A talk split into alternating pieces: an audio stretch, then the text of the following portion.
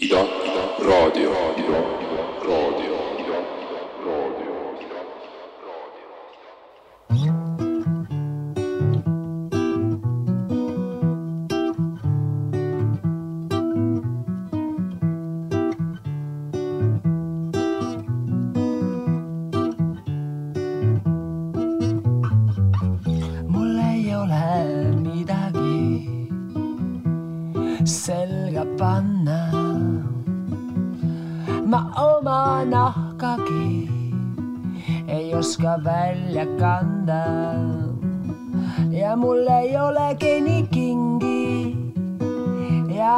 ja ka süda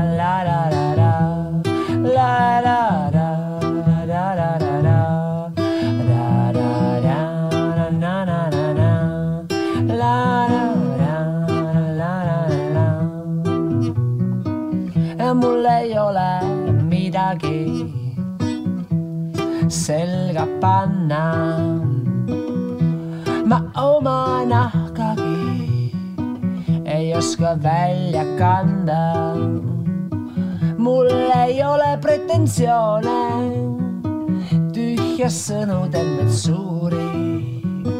olen kui kirju lintsi, eksistentsi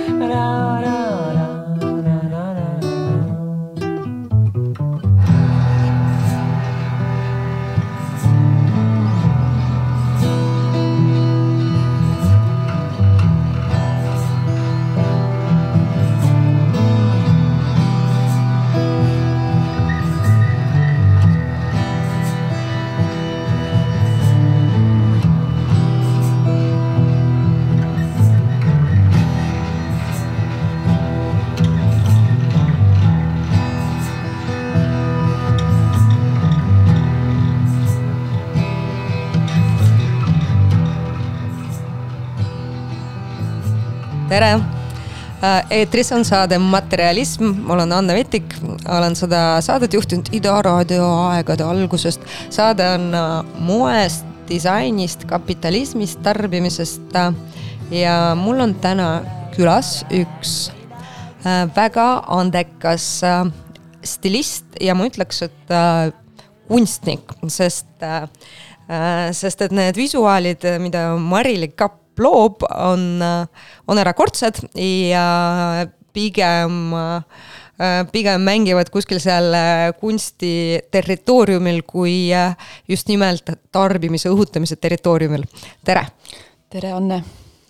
Rõõm sind siin näha, kuidas see aasta lõpp kulgeb? kusjuures äh, ma võin öelda üle pika aja, et see töö mõttes ja kõige mõttes, et äh, aasta lõpp on nagu väga hea olnud, et ma olen üritanud nagu endale mingit süsteemi tekitada, et äh, mitte üle töötada. et äh, väga hästi on, väga hästi on. Rõõm kuulda ähm, mm, sa õppisid äh, moekunsti, moedisaini Kunstiakadeemias. kuidas läks nii, et sa liikusid pigem stilistika juurde? Äh, ma läksin moedisaini õppima, sest kui päris aus olla, ma ei teadnud, mida oma eluga teha. ja ma võtsin endale eesmärgi, et ma tahan Kunstiakadeemiasse sisse saada ja kõik ütlesid, aa, sa ei saa, et sul ei ole mingit tausta, et sa ei oska õmmelda, sa ei oska teda ja toda. ja siis ma tegin nagu enda jaoks niisuguse projekti, et ma saan sisse ma näitan ja ma saingi sisse. ja ma õppisin seal kolm aastat nii, et tegelikult ma ei teadnud, mis minust saab, mis mulle meeldib. ja ma ütlen päris ausalt, raha raha mängis väga suurt rolli selleks, et ikkagi luua enda brändi, sul on väga suurt algkapitali vaja. minul seda ei olnud. Ja siis ma mõtlesin, et ma ei taha nagu nagu seda raisku ka lasta, mis ma seal õppinud olen. Ja stilistika tundus niisugune kuidagi väga loomulik kulg sellele, sest mul oli põhi all, kui sa oskad kollektsiooni teha, sa haldad kogu tervikut, siis tegelikult sa saad stilistikaga ka väga hästi hakkama ja kuidagi, kuidagi läks orgaaniliselt, sest tegelikult ülikooli kõrvalt ma õppisin üldse jumestajaks. sest et oma kooli oli vaja finantseerida, tundides oli vaja käia, aga jumestajana oli see kuidagi niisugune väga mugav, et ma sain valida, kuna tööle minna, kuna mitte, ja ma kõrvalt õppisin kogu aeg jumestajana, mida teevad stilistid, mida teevad fotograafid, ja siis ma sain aru, et nüüd kind of nagu see jumestamine ei ole minu jaoks piisav, et mul on vaja järgmist etappi ja siis see kuidagi tuligi niimoodi. mäletad oma esimest stilistikaprojekti ka? Esimene stilistikaprojekt, mille eest ma nagu päriselt nagu raha sain, oli agentuuri jaoks äh, modellide pildistamine. Ja see pidi olemagi väga ilus, minimalistlik, äh, rõhutada modellide positiivseid külgi, see summa oli väga väike, aga ma sain nagu hea kogemuse, et üldse aru saada, kuidas see süsteem käib, palju sul prep-aega on vaja, palju sul raha läheb selle peale, palju sul aega läheb ja nagu see kuidagi see õpetas tegelikult väga palju, et sa pead kuskilt nagu alustama, et kohe sa ei saagi niisuguseid suuri projekte uh,. sul on uh, väga õige mõtlemine uh,. mulle tundub jah, et tihti arvatakse, et nagu kui ma alla mingi sellise noh, Viru keskuse reklaami ei tee, siis nagu ei olegi üldse mõtet teha, aga nagu kuidas siis teed, kuidas neid suuri asju teha, kui sa pole väikseid teinud, et jah, sest ma ikkagi käisin, alguses ma alustasin üldse tasuta võtetel kooli kõrvalt uh,, keegi, igaüks võtab sind tasuta nagu assistendiks, siis uh, see oli väga pikk, pikk aeg, äh, kus ma, siis ma hakkasin viiskümmend eurot saama võtte eest ja siis kuidagi järjest nad tõusid, aga mul ikkagi kaks-kolm aastat, ma tegin ikkagi väga-väga väikseid ja lihtsaid projekte, nagu stilisti, stilisti mõttes. et äh, see ikkagi, sul on vaja kogemust, et ei saa olla niimoodi, et sul ei ole mitte mingit portfooliot ette näidata ütled, et ma tahan nüüd neid suuri projekte, et keegi ei võta sind ilma portfooliotagi suurtele projektidele jutule, et ja jah, et nii see on. Et alguses tulid pigem kommertstööd ja siis hakkasid kasutama äh, stilistikat sellise noh, eneseväljenduse ja kunstilise väljendina, et äh, kuidas see nihe toimus, kuidas sa sinna jõudsid? tegelikult, äh, tegelikult ma alustasin üldse ju tegelikult just vastupidi, et ma alustasin kunstiprojektidest sest et see oli see põhjus, miks ma läksin õppima. aga siin Eestis on asjad nii, et, et oma arved ära maksta, sa pead tegema kommertsi ja kahjuks küll. ja see, ja see, see protsent, mille all mina praegu töötan, et mul on ikkagi kaheksakümmend, seitsekümmend protsenti on kommertsi, mida ma enamasti ei postita ja paljud ei teagi, et ma seda teen, aga see on nagu hea raha ja selle eest saab ilusaid asju ja elu nautida. ja siis on äh, need hingeprojektid, mis on siis teine kakskümmend, kolmkümmend protsenti, mis äh, tuletavad sulle kogu aeg meelde, et miks sa seda eriala õppima läksid, et mulle eelmine kevad oli hästi nagu raske sest ma läksin sinna kommertsmaailma nii sisse ja üks hetk ma avastasin, et mulle ei meeldi oma töö enam. ja siis ma tuletasin endale meelde, et okei okay,, et võta nüüd ennast kokku, tuleta endale meelde, et miks sa hakkasid seda tööd tegema ja siis ma tõin jälle need kunstiprojektid tagasi. et sa pead endale nagu mingi loomevabaduse ikkagi jätma, aga kommertsprojektidel sa teed nagu tellimustööd ja, ja et mingi tasakaal peab olema, et noh, niimoodi on, kui sul loom, loomküll on inimene, niimoodi on äh, kõigega, et et ei tohi seda enda äh, sisemist äh, seda kunstnikku või loojat või noh, tüüpi, kes tahab midagi lahedat teha, nagu päriselt nagu puhkusele saata, et siis noh, hakkabki kurb noh. sa pead endaga nagu endale väga konkreetselt selgeks ka tegema, et rahu, et, et kommerts on kommerts ja kui klient ütlebki sulle, et tõmbame tagasi, ära mine nii crazy't, sa ei tohi seda isiklikult võtta sest et see klientuur on täiesti teine ja, ja agentuuri või produtsendi näit-, nägemus on sinu omast täiesti teine ja see on jumala okei okay., alguses ma mäletan, et ma võtsin väga isiklikult seda, et issand, et miks nad mind palkasid nagu niisugusele asjale, kui nad hoopis tahavad teist asja, aga see on okei okay sa, sa pead nagu mõistusega väga head palkasid jah, väga head, mind palkasid palka veel et äh, rahu tuleb endaga teha selles osas. mm. -hmm. Um, millised on olnud sinu lemmikud äh, äh, kunstiprojektid, mida sa oled teinud läbi aegade, kus sa tunned, et tõesti su, sul õnnestus oma visiooni äh, ellu viia nii, nagu kõigepealt seal ajus oli? minu kõik, ma just mõtlesin sellele üks päev, minu jaoks kõige tähtsam asi, mis ma olen siiamaani, siiamaani teinud, oli minu lõputöö. sest et äh, ma käisin ülikoolis ja ma tundsin kogu aeg, et ma ei ole piisav. Ja ma päris mitu korda mõtlesin, et ma võtan paberid välja, et ma, ma ei suuda aga miks sul see tunne oli? sellepärast, et mul ei olnud seda tehnilist oskust nii suurt nagu teistel, et osad tüdrukud olidki juba tulnud õmbluskoolidest ja ma olin, mul läks kogu aeg kõigi jaoks nagu rohkem aega. ja ma olin nii väsinud nagu sellest, et ma ei ole piisavalt hea. ja siis ma võtsin äh, aastaks nagu pikendasin oma õppeid ja ma mõtlesin välja, et okei okay,, et ma tahan õpetada kooli niimoodi, et hästi. et kui ma midagi ette võtan, siis et peab olema tehtud hästi, muidu ei ole mõtet seda asja teha ja, ja siis ma tegin mega-mega suure nagu uurimustöö. mul oli meditsiin ja, ja haiglad ja, ja, ja siis ma tahtsin seda siduda Krimmiga ja ma tegin selle lõputöö niimoodi, et ma ise üllatasin ennast ka. et see sai nagu nii suurt nagu positiivset vastukaja, mida ma üldse ei oodanud ja see oli, ma lõpetasin ikkagi kooli nii, et ma läksin uhkusega selle paberile järgi. et äh, see oli minu jaoks väga-väga suur asi, et minu avanemine toimus alles neljandal aastal. ja see oli minu jaoks nagu üks kõige tähtsamaid projekte. järgmine tähtis projekt on, mis ma tahan teha, on kindlasti näitus, aga see on noh, kahe aasta teema, et see on niisugune nagu uus nagu level uuesti et see, see ja hästi lahedad nagu foto mõttes projektid on see ikkagi, kui sa saad Eestist ära sõita mm.. me käisime Kertiniga Saint-Tropez ja see oli, see oli noh, ütleme niimoodi, et bränd ei kõnetanud, aga see oli nii lahe, kuidas me sinna sõitsime, kolmkümmend viis kraadi.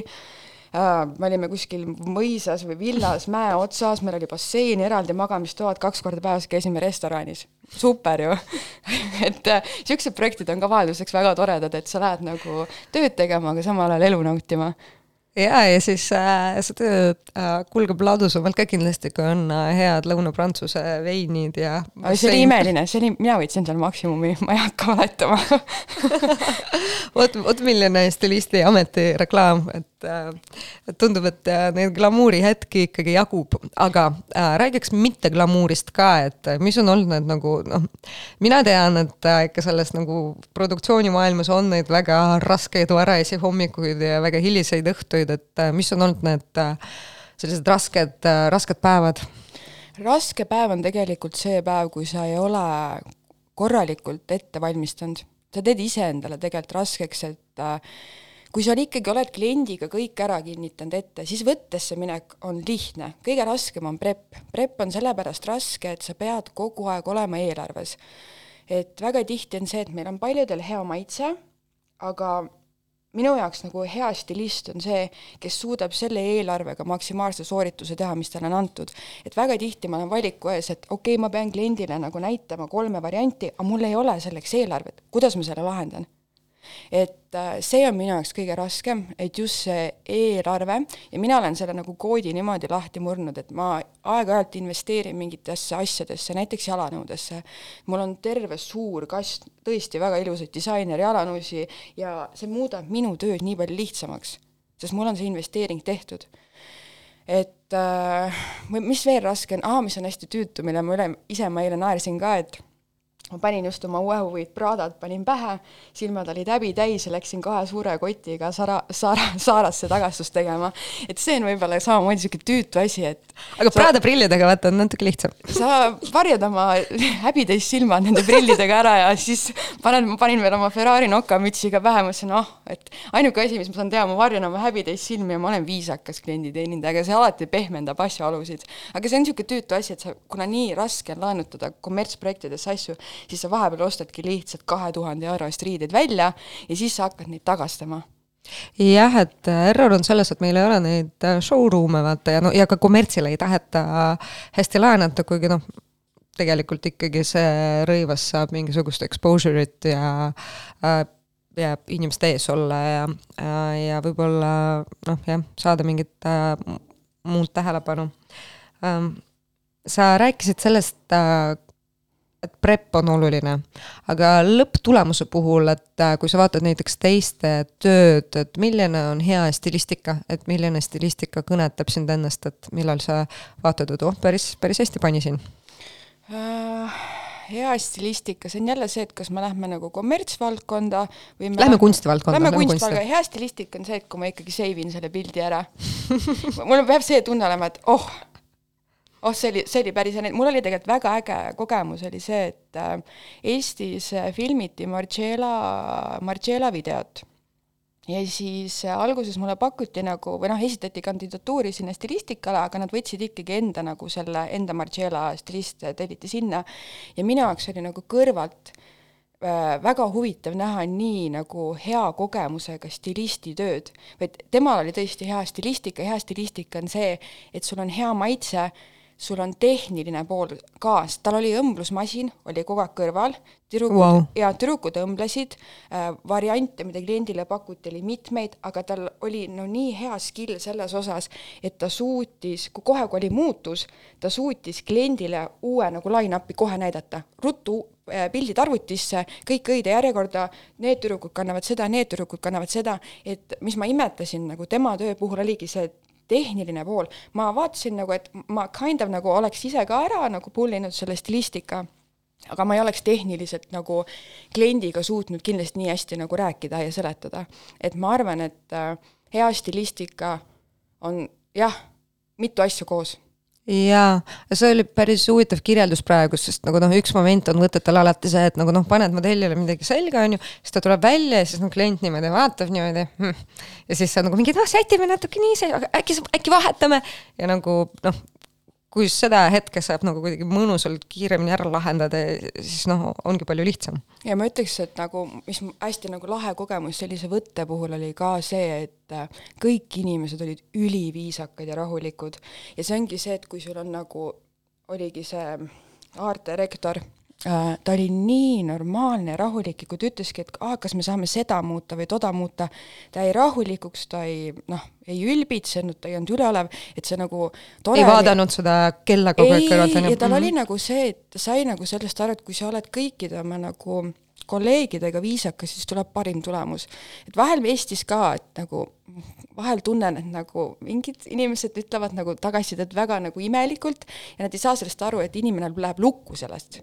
Et juba see, kuidas sa nagu, kui kõige tähtsamad ninad on kõige rahulikumad, siis su kogu tiim on rahulik ja, ja, ja, ja kui see kõige tähtsam nina närvitseb ja ei ütle sulle otse vaata, vaid ütleb kuidagi läbi projektijuhi näiteks selle äh,, selle tagasiside, siis jah, tekitab endal kohe sellest täpselt seda tunnet, aa, mis ma olen valesti teinud, et ma üritasin hästi teha. okei okay,, aga sul on kaasas ka muusikat, et äh,, et äkki valiksime mõne loo sellest listist, mis sul kaasas on. ja, ja Davai, paneme käima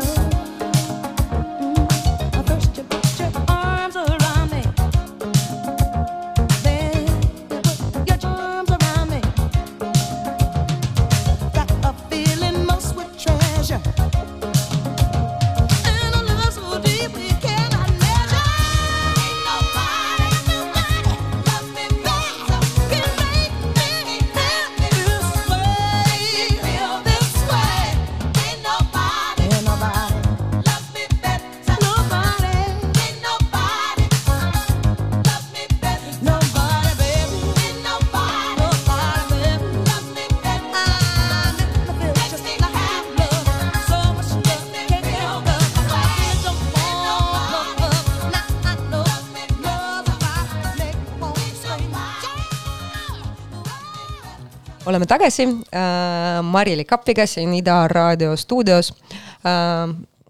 see on selle aasta viimane materialism äh, äh, ja räägime stilistikast, stilistikast kui kunstist ja ka nendest äh, raskematest stilistipäevadest äh,, siis kui peab äh, tassima suuri IKEA kotte mööda linna ja vara ärkama ja võttel viimasena äh, veel viimaseid asju ära aurutama ja ära pakkima ja taksos istuma ja minema, minema koju, et siis asju tagastada järgmine päev. kas see on hea treening? see on, seda tuleb võtta natuke huumoriga, et mul on päris äh, treenitud ülaselg nüüd ja käed, nii et seda pead võtma niimoodi, et okei okay,, täna ma ei pea trenni minema. täna ma käisin, mul rekord oli seitseteist kilomeetrit poodide vahel. Vau, see on ju, see on päris korralik nagu ja pluss raskustega. ja et sa lähed ikka kogu aeg, et midagi on sul nagu seljas, kaheksa kilo või kümme kilo on kogu aeg seljas sul ja tekstiili jah, täpselt et ei ole nagu hantlid, vaid on tekstiil. ja see on selle, selle töö juures jah, sihuke äh, naljakas värk, et äh, see tassimine äh,. see on ka nagu te-, noh, tehnikainimestel nemad nagu pakivad, et tehnikad viivad ära mingeid valguseid asju ja siis samal ajal oh, riided äh,. ja veits on see, et nagu mingi modell on läinud, klient on läinud, et nende jaoks on mingi oo. oi, siis tuleb veel, see on see, et sa lähed kõigepealt, minu jaoks võte on siis läbi, kui ma jõuan nende asjadega tuppa ja siis võte on ka siis läbi, kui need asjad on tagastatud, ehk siis noh, võib lisaks panna veel poolteist päeva otsa, noh, oleneb projektist. ja, ja, ja alles siis on äh, süda rahul või siis peab midagi keemilisse viima ja siis. aa, keemiline, siis vaatad jälle, et oh, midagi on jälle katki läinud, okei okay,, nüüd läheb jälle lisakulusse, okei okay,, üritame päästa, okei okay,, seda päästa ei anna. noh, sihuke, see käib alati asja juurde um, sinu äh,, sinu siis ütleme, tööpartneriks on reeglina fotograaf, et millised fotograafid Eestis sulle imponeerivad äh, lisaks Kertinile, kellega te olete väga palju ägedaid asju teinud ja mis äh, välismaa fotograafe sa oled vaadanud, et oh, selle tüübiga võiks teha koostööd äh,? peale Kertini mulle tegelikult väga meeldib kanaliha ta on hästi tore ja nagu ma teda isiklikult niimoodi ei tea, aga ta on hästi sümpaatse inimese nagu mulje jätnud ja mulle väga meeldib Eestis ka Tõnu Tunnel, tema muidugi ei tee nagu moefotot, aga ma alati aga tema... võiks, pane inimene sinna piltidele ja siis on moefoto. kuidagi alati, kui ma näen ta fotosid, siis see on nagu, ma jään neid vaatama. mulle, ma ei tea, mulle väga meeldib.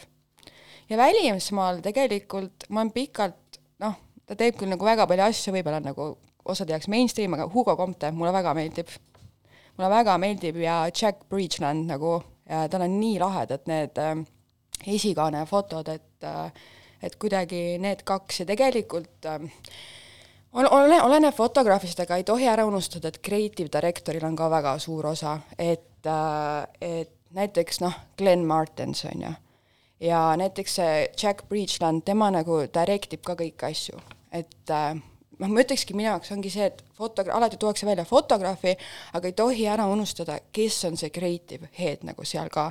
et äh, minu meelest neid kak-, kahte asja võiks alati koos nagu eksponeerida, et äh, Eestis et... aetakse seda kuidagi segamini ka, et nagu, et äh, jah, et pluss meil nagu selles nagu, kui ma mõtlen meie fotoajaloole, jah, on niimoodi öeldud, noh, fotograaf on see suur looja, on ju, ja kogu ülejäänud tiim on hei-hei kuskil taustal on ju, aga õnneks praegu on hakanud muutuma, vaata. no see on sellega seotud ka, et ikkagi see eelarve teema, teema, et me peame multitask ima väga tihti Eestis ongi see, et fotograaf otsibki lokatsiooni, fotograaf valib modelli, fotograaf valib valguse, fotograaf annab need pildid üle, aga, aga nüüd on jah, et ole, nüüd, kui noh, saab ka neid välismaa projekte teha, siis äh,, siis see on õnneks mu muutumas, et mul on, noh, see on, see on tore, jah aga räägi oma koostööst Kertiniga, kuidas te üldse tuttavaks saite, et mis teie näiteks esimene projekt oli koos?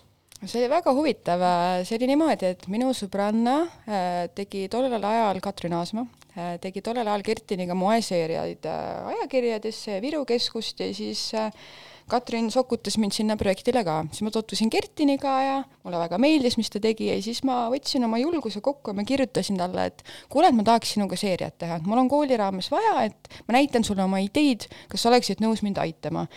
ja siis me tegime selle seeria ja siis talle meeldis, talle väga meeldis. Ja siis äh, Kertin hakkas mind igale poole sokutama. Ja siis kuidagi sellest kasvas niisugune asi välja, et äh, mina helistan Kertinile või tema helistab mulle, kuule, Mari, mul tuli mõte, ma tahaks niisugust asja teha, ja siis mina lisan midagi või tema lisab midagi ja siis see on niisugune mõtete põrgatamine ja siis tulebki see kontse-, kontseptuaalne foto.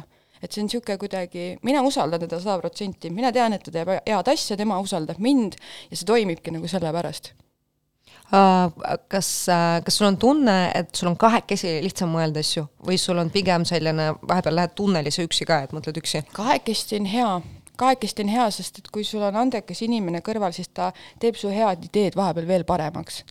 aga mul on ka nagu see, et me oleme vahepeal üritanud ka nii, et on noh, neli inimest tiimist või kolm inimest tiimist, aga siis ma olen aru saanud sellest ka, et see kahene tiim minu jaoks toimib sellepärast ülihästi, et asjad saavad kiiremini tehtud. vaata, kui sul on rohkem inimesi tiimis, sa pead arvestama kõikide Rohkem inimeste plära. aegadega, aegadega, asjadega, eriti veel, kui me teeme neid enda fotosid for fun, mida me ise finantseerime enamasti, siis äh, see kuidagi kahene duo toimib minu jaoks.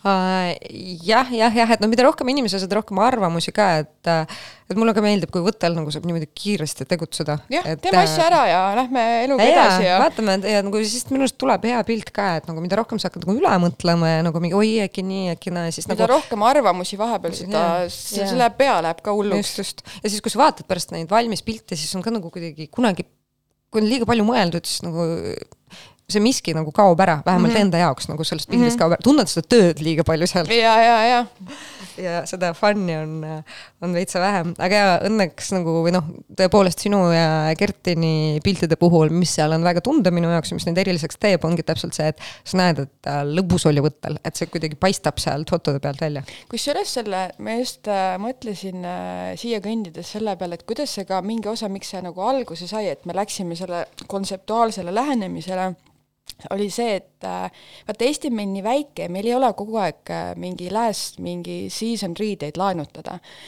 ja siis me, meil tekkis nagu see sein ette, et okei okay,, meil ei ole riideid võtta, et kuidas me siis nagu lahendame selle ja siis tulidki see, et aga okei okay,, et riided ei peagi riided olema, et miks me ei või neid projektooriga kehale lasta, miks me ei või neid välja printida, miks me ei või neid selga joonistada, et noh, fun ime nagu sellega, et see tegelikult, kui ta läks nagu selliseks, on osa nagu sellest ja, ja et äh, head mõtted sünnivad tihtipeale mitte siis, kui super hästi on ümberringi kõike mm, -hmm. kõike on hästi palju, vaid siis, kui on nagu sihuke nõukavärk, et nagu vaesus ja Ja, ja, ja äh, aga see on, see on Eesti eripära küll, et see, et äh, meil on nagu vähe asju, see paneb see paneb kuidagi keerutama ja kruttima ja otsima lahendusi ja noh, heal Jah. juhul need tulevad ägedad äh, lahendused äh,. kuidas sa ennast riidesse paned? Kui palju aega sul sellele kulub äh, ja kas sul on mingisugune, mingi selline univorm ka, mida sa, mida sa eelistad? no minu jaoks on see, et kui ma ikkagi, mul on pikad tööpäevad, mis on siis neliteist, viisteist tundi tööpäevad, siis mul peab olema mugav. aga minu jaoks on see, et mis ma olen ära tabanud, et kui mina olen korras, siis mu päev on korras. ehk ühesõnaga, mul on alati meik tehtud, mul on pikad küüned, mul on blondid pikad juuksed, ma hoolitsen täna nende isegi suhteliselt lühikesed küüned sinu kohta, ma ja ütleks. ma tegin lühemaks, tööd oli nii palju. Et äh, ma käin mugavalt riides, aga ma olen kogu aeg sätitud, sellepärast et vahel on kuidagi nii, et ma tean, et mul on nii raske päev tulemas. Ja kui ma olen nende sassis juustega või mul on mingid, ma ei tea, eelmise päeva riided, siis ma kuidagi ise olen ka rohkem pilla-palla, aga ma väga hindan disainer päikseprille, mulle väga meeldib see, minu jaoks minu äh, stilistika juurde käib alati üks väga hea kreemtelekreemi lõhn, ma vaatan vastavalt tujule, mis ma kodus tahan, et see lõhn, hea lõhn, puhtad riided, puhtad juuksed, ilus meik on minu nagu siis see vormiriietus. ja, ja, ja see on ka see, et no kurat, need kliendid ei võta väga tõsiselt siis, kui oled sihuke. sa ei saa olla nagu minna võtta nagu või kliendiga kohtuma, kui sa ja ei modell ka kõik vaata, kõik ikkagi võiksid vaadata, et okei okay,, see on see tüüp, kes teab, kuidas see riiete asi käib, onju. noh, on tulnud ikka ette asju, kus ma olen läinud täiesti nagu ütlen ausalt, noh, pahasti on otse peolt. kusjuures ühe korra olen teinud, sain viitsad rohkem idee, et äh, et see ei ole mõistlik, aga, aga enda, enda piinamine ja häbi on ka pärast endal. et vahet pole, mis võtta, enne ikka ei tasu otse pealt tulla. et siukses, noh, sai ülikooli ajal on siukseid asju tehtud ja eelmine aasta ühe korra, aga sellel on, aitab. Need ajad on elus läbi. tehtud. et jah, jah, et uh, see enda, ütleme, aga mis on kõige nagu sellised uh,, see on nagu see univorm ja see töörõivastus ja kuidas sa tunned ennast hästi siis, kui sa töötad, aga siis, kui sa lähed peole ja sa tahad muljet avaldada või siis nagu mingit fantaasia asja selga panna, mis on olnud sinu enda sellised lemmikud outfit'id läbi aegade, mis sa oled kokku pannud? Lemmik outfit'id, aa mulle väga meeldib ähm, Katrin Aasma ühest kollektsioonist ma ostsin ära peenvillasest kangast roosa ülikonna. ja seda ma olen ikkagi stilistikas väga palju kasutanud ja enda seljas ja see on niisugune asi, et ma tean, et mitte keegi ei kõnni mulle sellega vastu, sest et see on ainueksemplar. see oli minu jaoks nagu väga-väga niisugune tore asi, siiamaani on olemas ja siis minu lõpukleit minu lõpukleit oli äh, pipraplaastri äh, materjalist siis nagu tuletatud kangas, ehk siis ma ostsin äh, nahast kanga, pruuni värvi, ja ma lasin laserdada sinna viis tuhat auku laseriga. ja ma lõpetasin selles kleidis, et mu keha paistis alt läbi ja siis oli see lühike pruun pipraplaastri kleit, vot see oli ka minu jaoks niisugune nagu niisugune asi, et mul oli nagu väga hea selles olla, sest ma teadsin, et see on minu oma, see on ainueksemplar ja see on mulle nagu väga suure väärtusega ka. ja ma ütlen päris ausalt, mitte ükski nagu suvaline nagu massimoeriietus ei ole minus nagu head tunnet tekitanud, viimane hea tunne, kus ma tundsin tõesti ennast hästi, oli siis, kui Ennos kinkis mulle mantli, mida ma olin hästi kaua vaatamas käinud ja, ja see on, ja see oli nagu tõesti, ma panin selle selga ja ma tundsin, et vau wow. Kersti, kas sa kuulad meid? ja see oli, see, ma olin, ma, reaalselt ma käisin seda pool aastat vaatamas ja siis üks päev, kui ma läksin Kerstile asju tagasi viima, ta ütles, et Mari, mul on sulle kingitus ja siis seal oli see minu unistuste mantel sees. vot see, see tekitas mulle nagu väga-väga head tunnet. Ja äh, riided tegelikult suudavad seda tunnet tekitada ja siis, kui sul on sellised riided, siis nad on ka sul garderoobis kaua ja nagu noh. sa hoolitsed neid, nende eest teistmoodi ka, et noh, okei okay,, ostad selle Saara topi vahel, on ju, aga sul on suva sellest.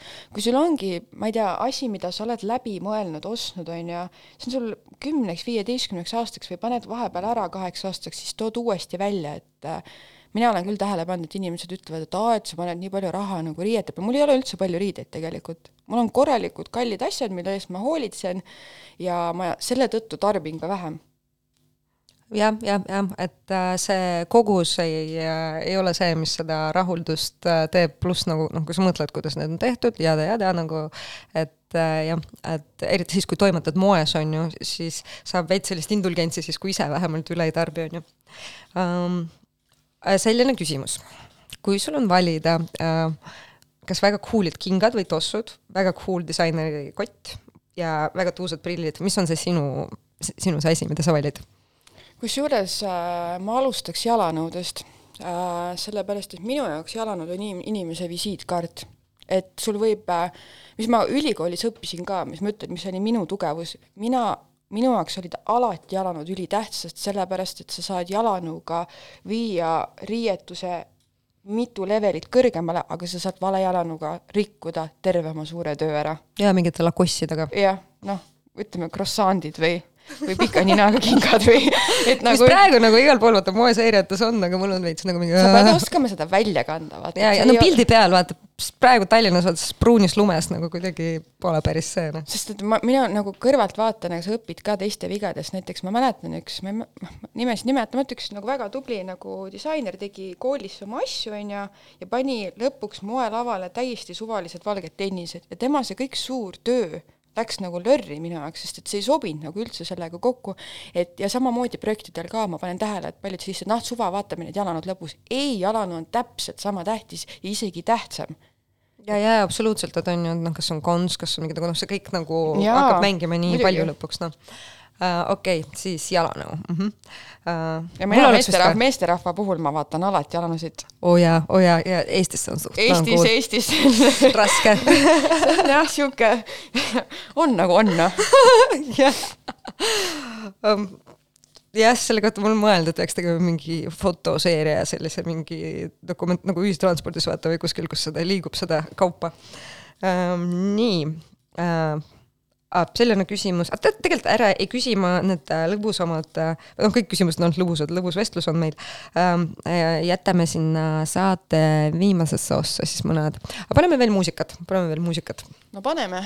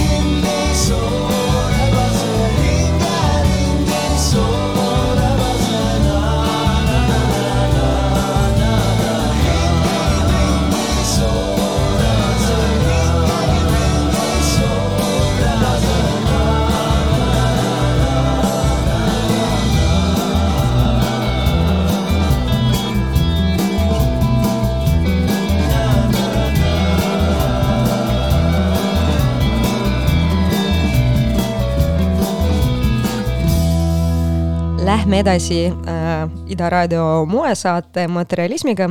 ma olen Anne Vetik äh, ja mul on külas Marili Kapp. oleme rääkinud stilistikast ja kunstist ja nüüd hakkame veits niimoodi äh, sellist äh, kroonika juttu rääkima, paar küsimust äh, või noh, ei ole isegi kroonika jutt, aga selline natuke võib-olla isiklikum lähenemine teemale. kes on sinu sellised stilistilised äh, lemmikud äh, Eesti, Eesti moe ja üleüldse Eestist? Kui päris aus olla, siis ma alati ootan põnevusega, mida kannab Jasmin oma laividel, see on minu jaoks alati niisugune oh, ta kuidagi, see, kuidas Liisa teeb talle stilistikat, talle sobib see. Neil on oma tiim, see toimib ja see on alati nagu põnevust pakkuv.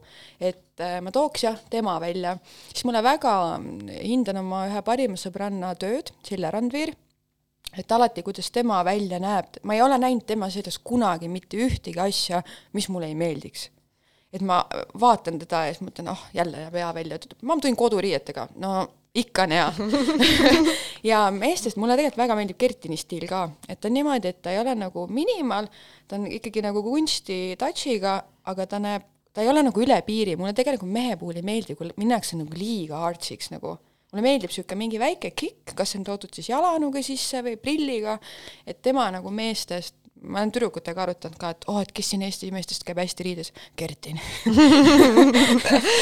no vot siis äh, vähemalt, vähemalt keegi. Jah. Need on kindlasti veel jah, aga sellistest äh, moes tegutsevatest tüüpidest nagu Kerten jääb kindlasti silma, et, et see on see noh, musta värvi teema, aga seal on oma, oma mingisugune teistmoodi nõks mm. -hmm. alati olemas. kuidas sa mind stiliseeriks? okei, ütleme niimoodi, lähtume siis, ütleme, et, äh, et sa lähed õue, õue lähed ja meil on õues vaja sinust teha üks tore pilt. kõigepealt ma annaks sulle Rick Owensi jalanõud, niisugused mingid moon boots stiilis nööridega, siis ma annaksin sulle enda teksad, mis mul jalas on, ma paneks need klambritega väiksemaks, ilmselt kaks numbrit, kolm numbrit, siis me paneme sulle puhveri, suure puhveri selga, et oleks ja see on hea soe. hea soe ja siis me lisame selle siukse funky elemendi mingi toreda aknestuudio sta- salliga, aga mitte nagu basic one, vaid mingi mustriga. Ja siis äh, anname sulle klügi kätte ja teeme pildid ära ja ma arvan, et sa võiksid olla siuke modernne lumememm. vabalt. nii et mina stiliseeriks sind niimoodi.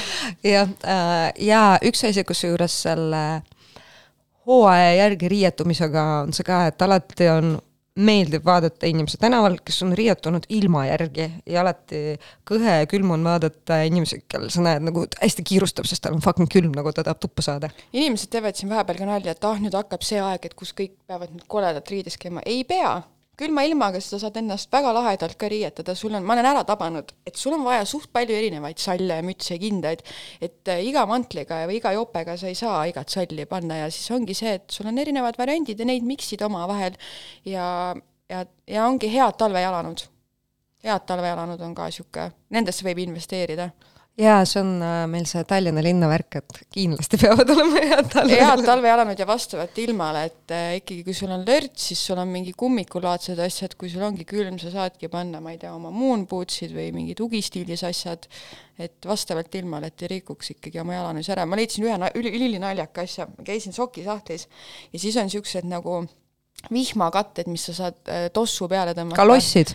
siuksed läbipaistvad nagu noh, kondoomid, jalakondoomid. Ja siis äh, ma mõtlesin, okei okay,, ma pean proovima neid, ma tahan teada, et kas see reaalselt siis toimib. Ja neil on niisugune nagu muster ka all. Ja oligi ülilörtsiline suvaline mingi rõve ilm oli.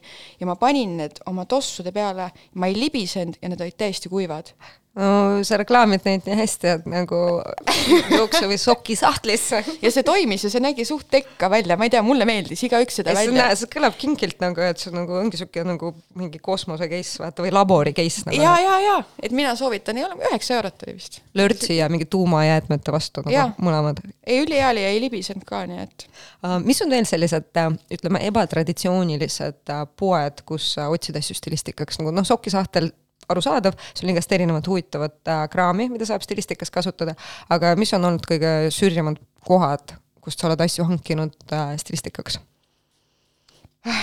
kõige sürjemad kohad, minu enda kodu ei, aga tegelikult ongi see, et ma ikka kaltsukatesse leiad siukseid veidraid asju, et äh, või tegelikult ka kostüümilaod ja võib ka täiesti olla niimoodi, et lähed äh, karnevalilattu või kuskile siuksesse asja, sa võid leida nii nagu huvitavad jalanud või asjad, mida sa oled täpselt otsinud ja mida sa arvad, et sa ei saagi siit Eestist.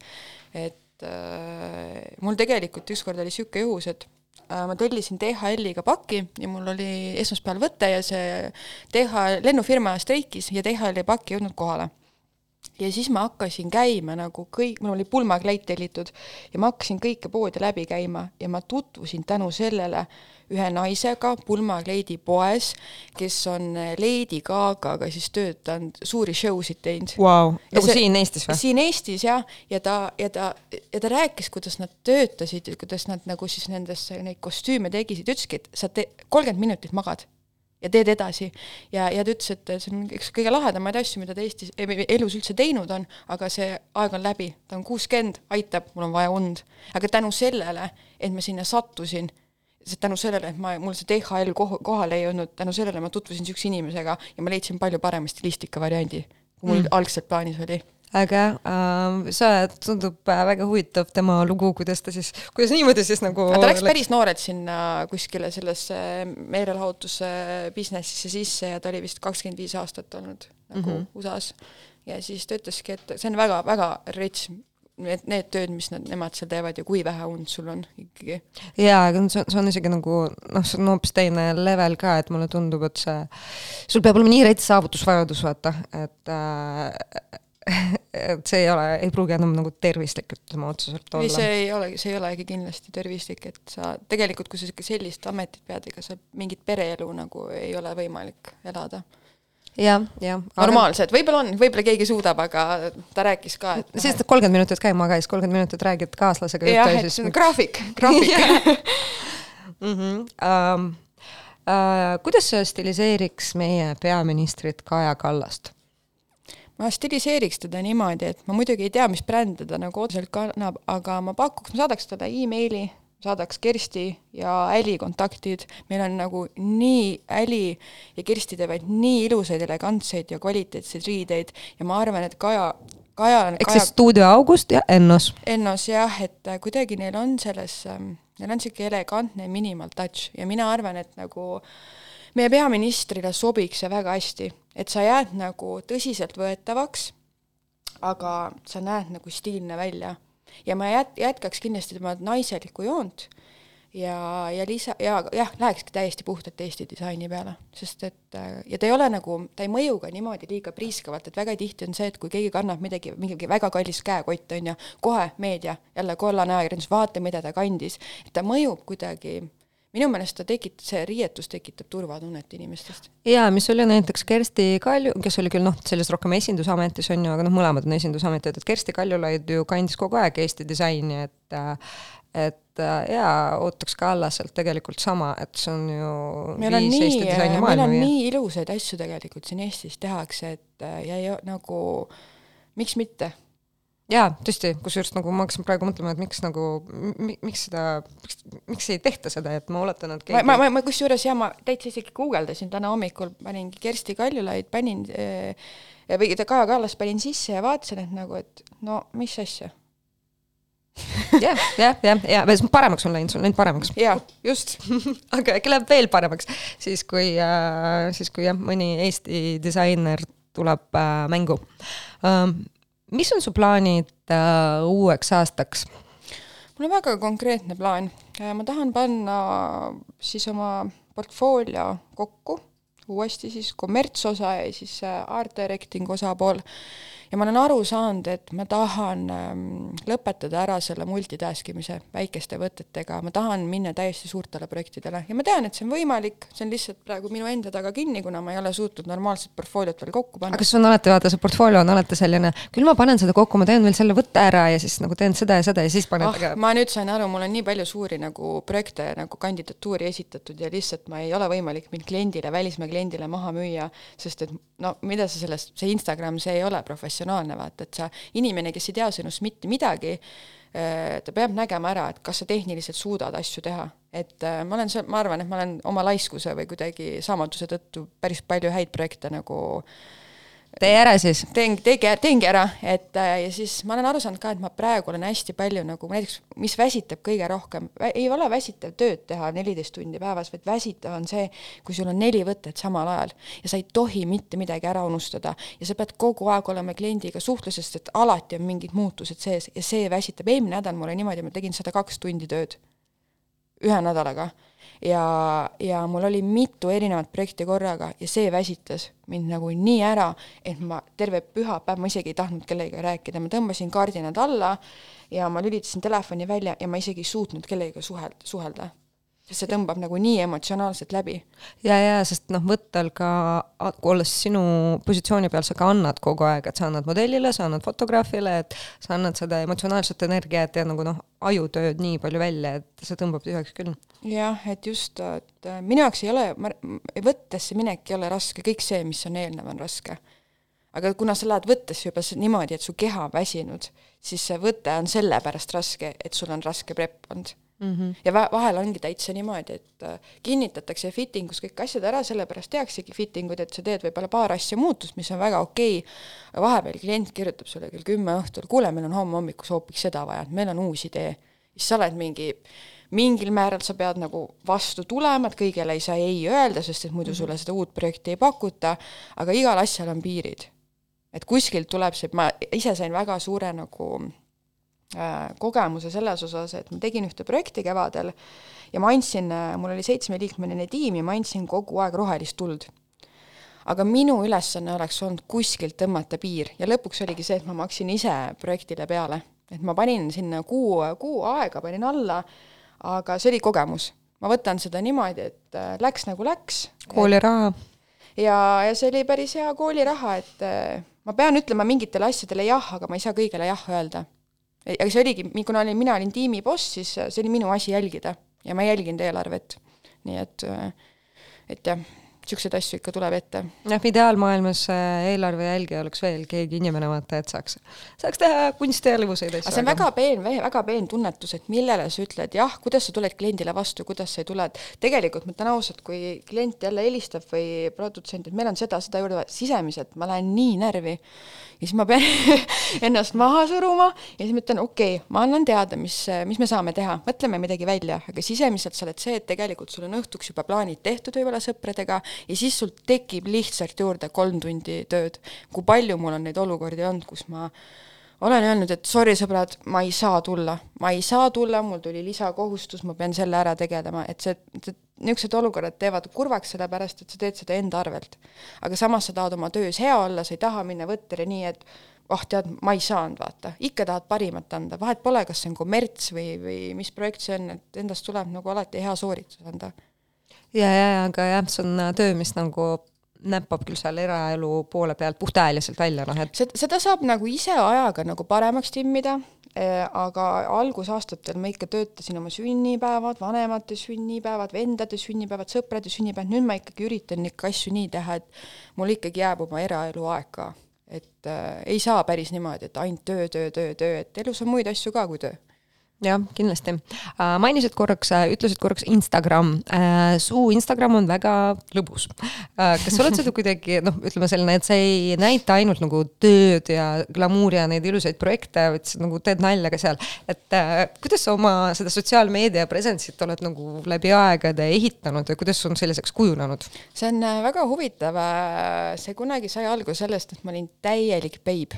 ma olin niuke beib, et mul läätsed küüned, ma olen alati nagu natuke beebe vibe'i kandnud, aga see oli nagu extreme.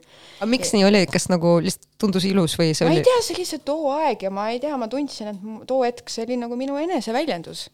et ma tundsin, et ma väljendan ennast läbi beibetamise ja siis ma läksin äh, ülikooli ja siis natuke tehti nalja minu üle seal ja siis kuidagi see, hakkasin nagu ajas muutuma ja siis meil oli niisugune tund, et me pidime kuidagi oma mingi sotsiaalmeedia mingit äh, arengut näitama või mingeid postitusi tegema. Aljona tund või? jah, vist oli jah, ja siis ma hakkasin esimest korda nagu rohkem mitte ainult endast pildistama, en-, endast postitama, vaid ka muid asju ja reaalselt mulle kirjutati mingid täiesti suvalised, issand, mis sinuga juhtunud on, et miks sa nii veidraid asju postitad ja mis juhtunud on sinuga wow., Mari, et sa ei ole, mis, miks sa kannad meeste ülikonnas, et sa ikkagi võiksid seda kitsast kleiti kanda.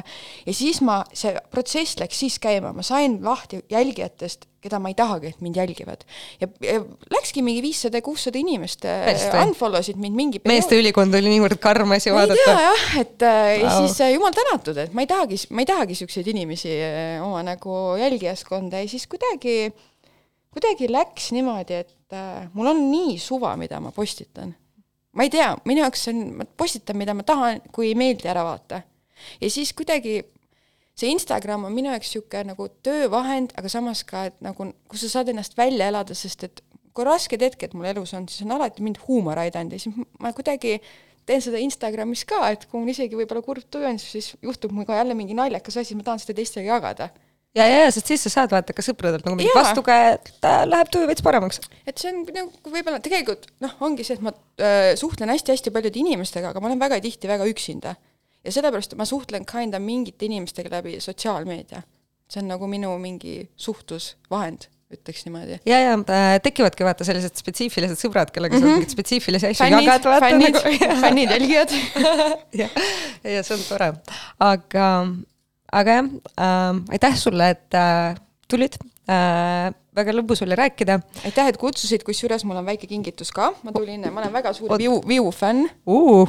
Ja siis äh, Ma olen ka. Varaste raamat Kui päike hakkab üle horisondi piiluma, see on teile, jagage ära. ma kirjutasin sisse, aitäh, Mari, südamega. väga hea, ma arvan, et me jätame seda siia Ida raadiosse, et kõik äh, Ida raadio saatejuhid ja külalised saaksid äh, seda katsuda, kui see seal laua peal lebab. paneme viimast lugu ja head äh, lähenevat aasta lõppu kõigile, kes meid kuulasid ja kuulavad tulevikus. Neile lihtsalt häid asju suur aitäh teile